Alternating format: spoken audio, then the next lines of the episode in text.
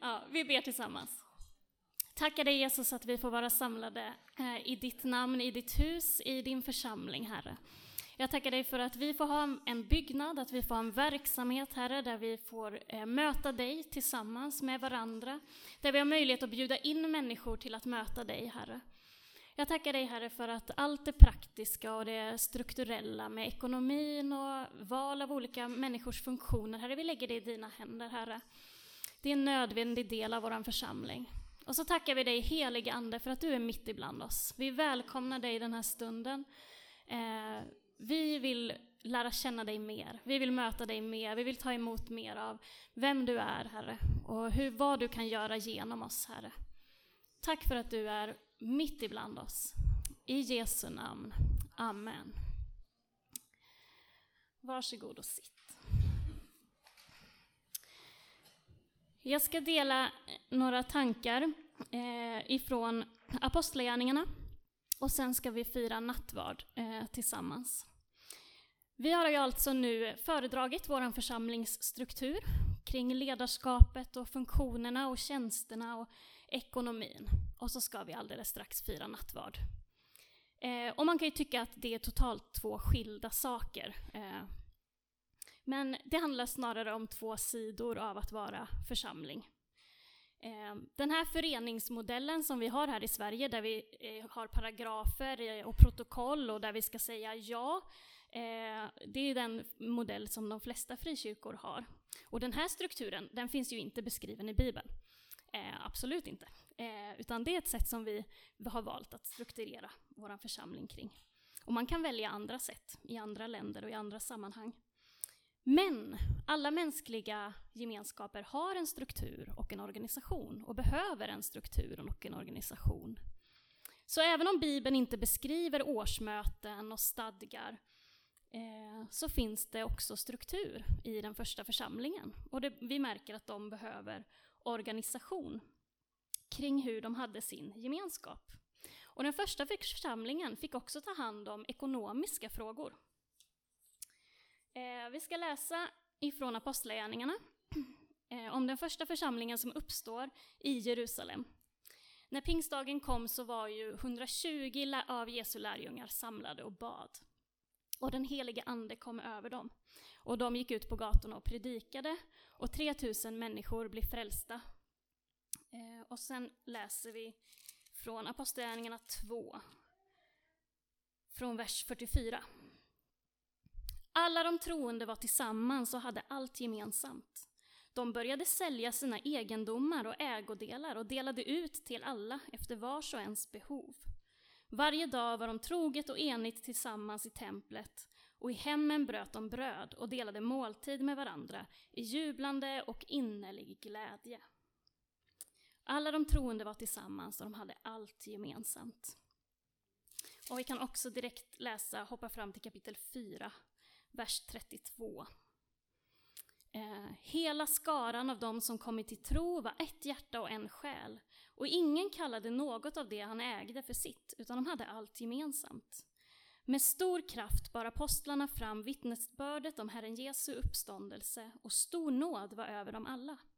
Ingen av dem led någon brist, för alla som hade mark eller hus sålde sånt som de ägde och bar fram betalningen för det som sålts och la ner det vid apostlarnas fötter. Och man delade ut åt var och en efter hans behov. Den första församlingen eh, har vi lärjungarna som har vandrat tillsammans med Jesus i ungefär tre år. Eh, och sen så sker en stor väckelse med flera tusen som blir frälsta. Och vad händer med deras gemenskap? Jo, de får en helt ny syn på ekonomi och ägande eh, när de möter Jesus, när de tar emot nåden och frälsningen och när de ser oj, men nu är vi ju många, nu är vi en grupp. Vad betyder det här för oss och vår livsstil och hur vi hanterar våra ägodelar och våra pengar? Jo, spontant så började de bara sälja det de ägde, kom och så skapade de en gemensam kassa eh, och delade ut åt var och en som de behövde. Och det här är inte överraskande eh, att det plötsligt händer i apostlagärningarna. Utan när Jesus möter människor så ser vi att vid ett flertal tillfällen så får människor en ny syn på vad det innebär att äga saker. Till exempel Sackaios.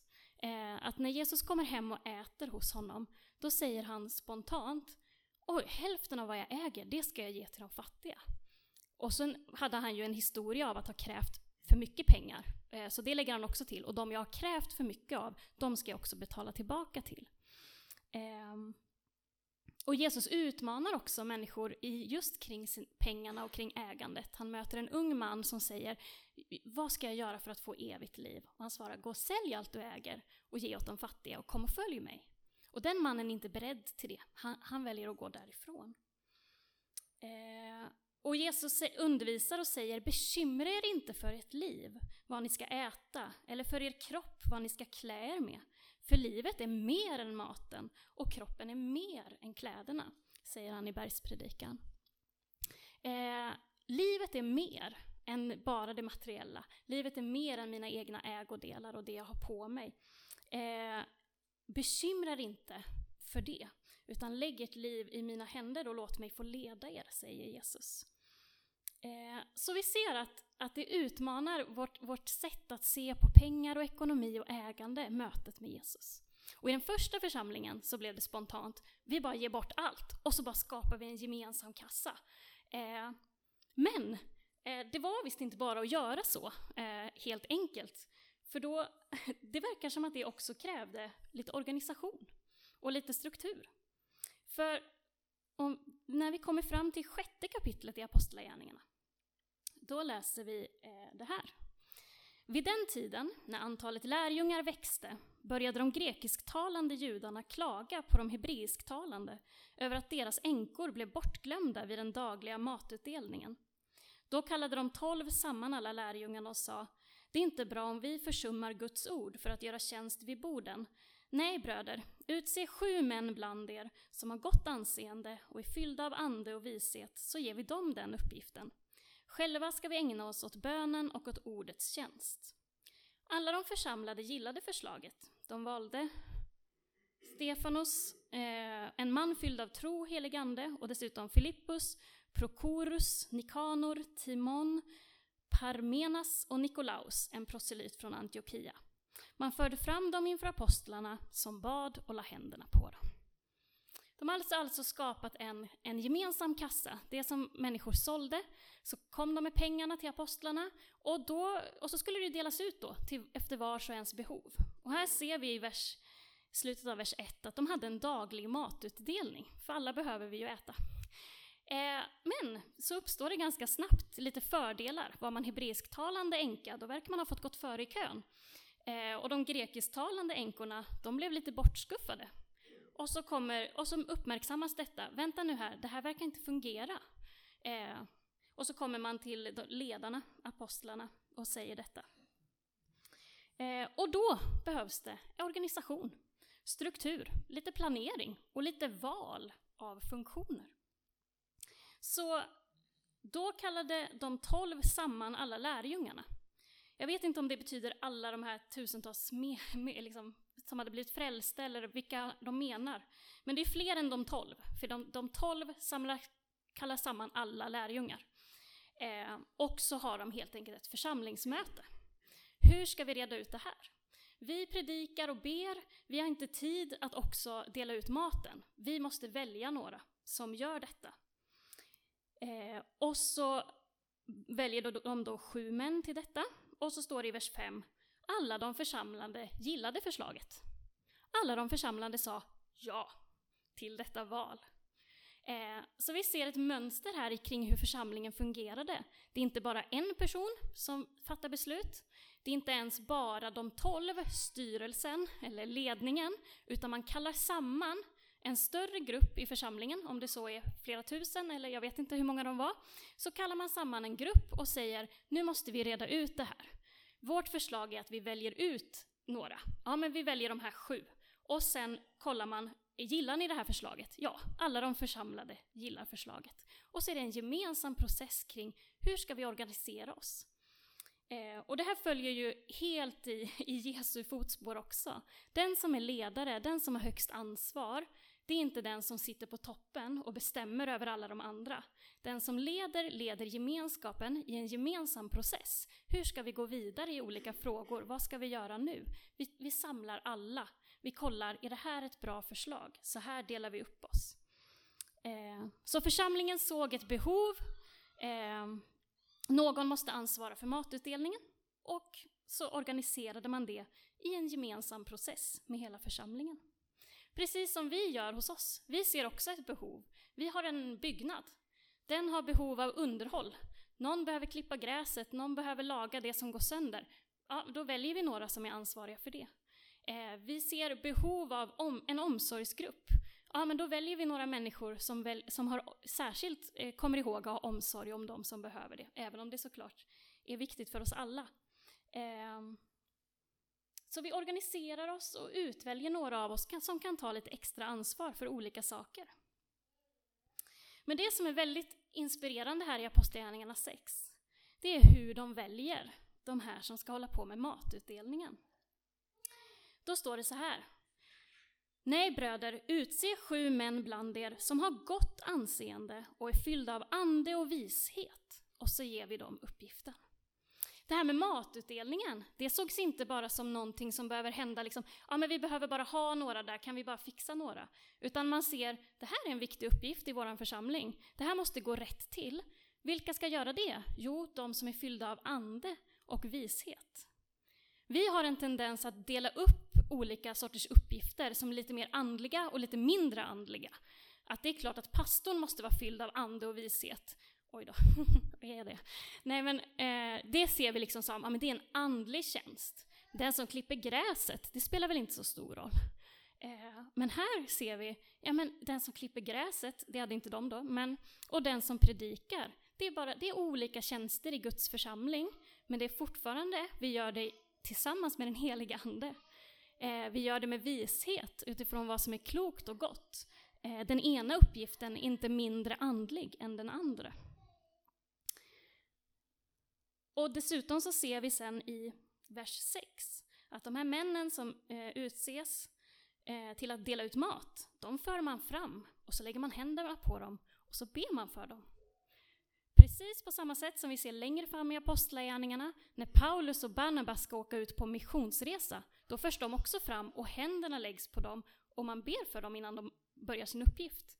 Om du så ska dela ut mat eller om du ska ut och missionera. Vi lägger händerna på dig, vi ber och vi välsignar dig. För att det, båda uppgifterna är en uppgift i Guds församling. Den ena är inte mer värd än den andra. Och man, man skulle ju då också kunna tycka kanske att, ja men är det inte lite överdrivet? Kan inte jag vara med och servera kaffe utan att man ska be för mig innan? Eh, så skulle man kunna tycka. Men då kan man ställa motfrågan, varför skulle vi inte be för varandra? Varför skulle vi inte göra saker tillsammans i den helige Andes kraft oavsett vad det är? Vi har fått den helige Ande. Varför ska vi försöka göra saker utan den helige Ande? Eh, varför dela upp våra liv mellan det andliga och det praktiska? Eh, Gud delar inte upp våra liv. Gud tar emot oss som vi är, med vår ande, själ och kropp. Och Paulus eh, skriver i Kolosserbrevet 3 och 23. Vad ni än gör, gör det av hjärtat, som för Herren och inte för människor. Vad ni än gör, gör det av hjärtat. Den ena uppgiften är inte mer värd än den andra. Den ena uppgiften är inte mer välsignad av den heliga Ande än andra. Utan vad ni än gör, gör det av hjärtat. Det gäller ju Herren. Gör det för Herren. För det är ju vad det kristna livet eh, handlar om. Att vi ska upptäcka och förstå att när jag tagit emot Jesus Kristus, då bor den heliga Ande i mitt liv. Han, jag har tagit emot honom och jag inbjuds att varje dag eh, överlämna mig till det, ta emot det, bekräfta det. Det är inte så att den heliga Ande flyttar ut och in ur våra liv. Han är alltid där. Eh, men jag kallas att upptäcka det. Aha, Ah, vill du leda mig i det här, i min vardag eller när jag gör den här vardagliga uppgiften? Eh, så kallas vi att upptäcka att den heliga Andes kraft och vishet finns i våra liv och att vi tar emot den ifrån honom. Om jag så städar i mitt eget hem, eller om jag städar i kyrkan, om jag så bjuder en granne på kaffe hemma hos mig, eller om jag serverar kaffe i kyrkan, om jag så klipper gräset hemma, eller om jag klipper gräset utanför kyrkan. Gör allt för Herren. Eh, gör allt i den heliga Andes kraft.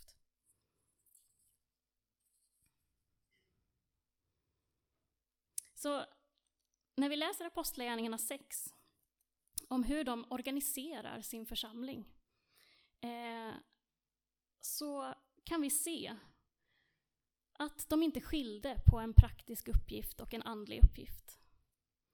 Eh, några behöver fokusera på att predika Guds ord och be, som de säger. Och några får fokusera på det praktiska.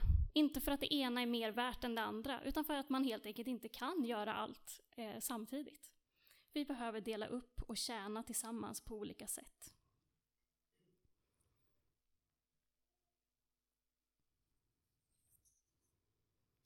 Så, man skulle kunna... Jag gjorde en liten bild.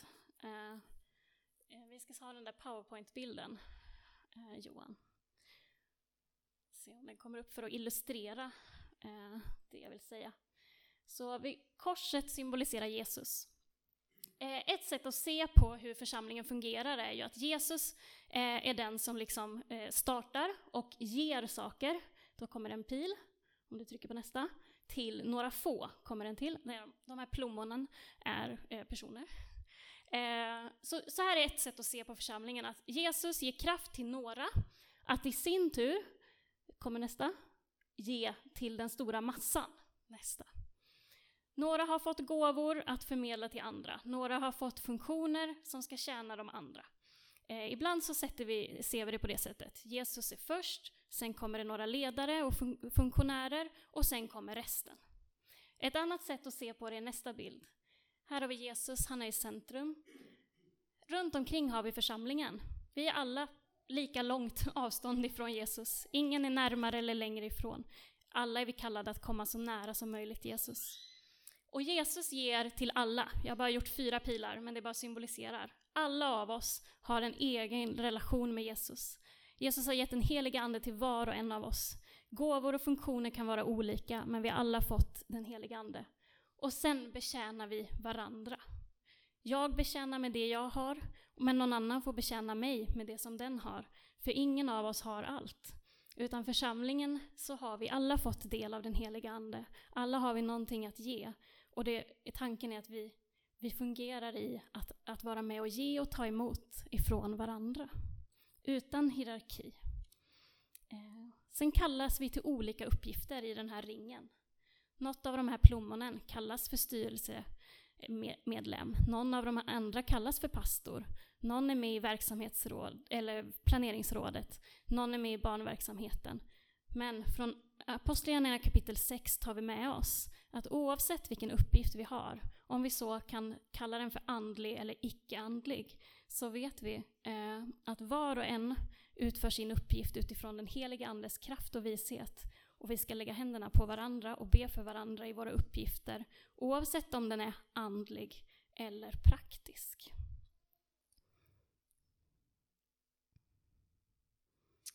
Så vår kallelse som kristna det är att vi ska vara öppna för den heliga Ande i våra liv.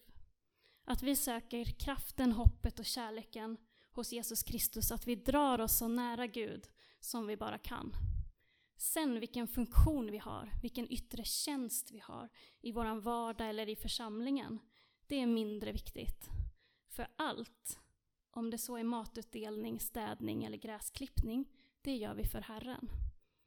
Och tillsammans är vi hans kropp i den här världen. Nu ska vi alldeles strax gå in i nattvarden. Och då vill vi göra detta, vi vill lägga händerna på varandra och be och välsigna varandra. Så i samband med när man kommer fram till nattvarden så kommer vi ha en förebedjare på varje sida. Så om man vill så stannar man bara kort framför, det kommer vara Stig-Arne och Jan. Så lägger de bara handen på och välsignar dig innan du går tillbaka till din plats. Eh, oavsett vem du är, hur du har det, vilken, om du känner dig som att du har en tydlig plats i församlingen eller om du känner att du står lite vid sidan om, det spelar ingen roll. Eh, för vi tillhör alla Jesus Kristus. Eh, och vi vill välsigna varandra. Eh, Men vi ber tillsammans och så ska vi sjunga en sång innan nattvarden. Jag tackar dig Jesus Kristus för att vi tillhör dig. Att eh, vi är din kropp, Herre, en del av din kropp, Herre. Oavsett vilka vi är, vilka gåvor och funktioner vi har, vilka tjänster vi har, Herre, så är vi en i din stora församling, Herre. Och du är huvudet som förser oss med kraft, förser oss med kärlek och nåd, och det är dig vi ska söka oss nära, Herre. Och du känner var och en av oss, hur vår relation med dig ser ut och hur vi känner att vår plats i församlingen är, Herre.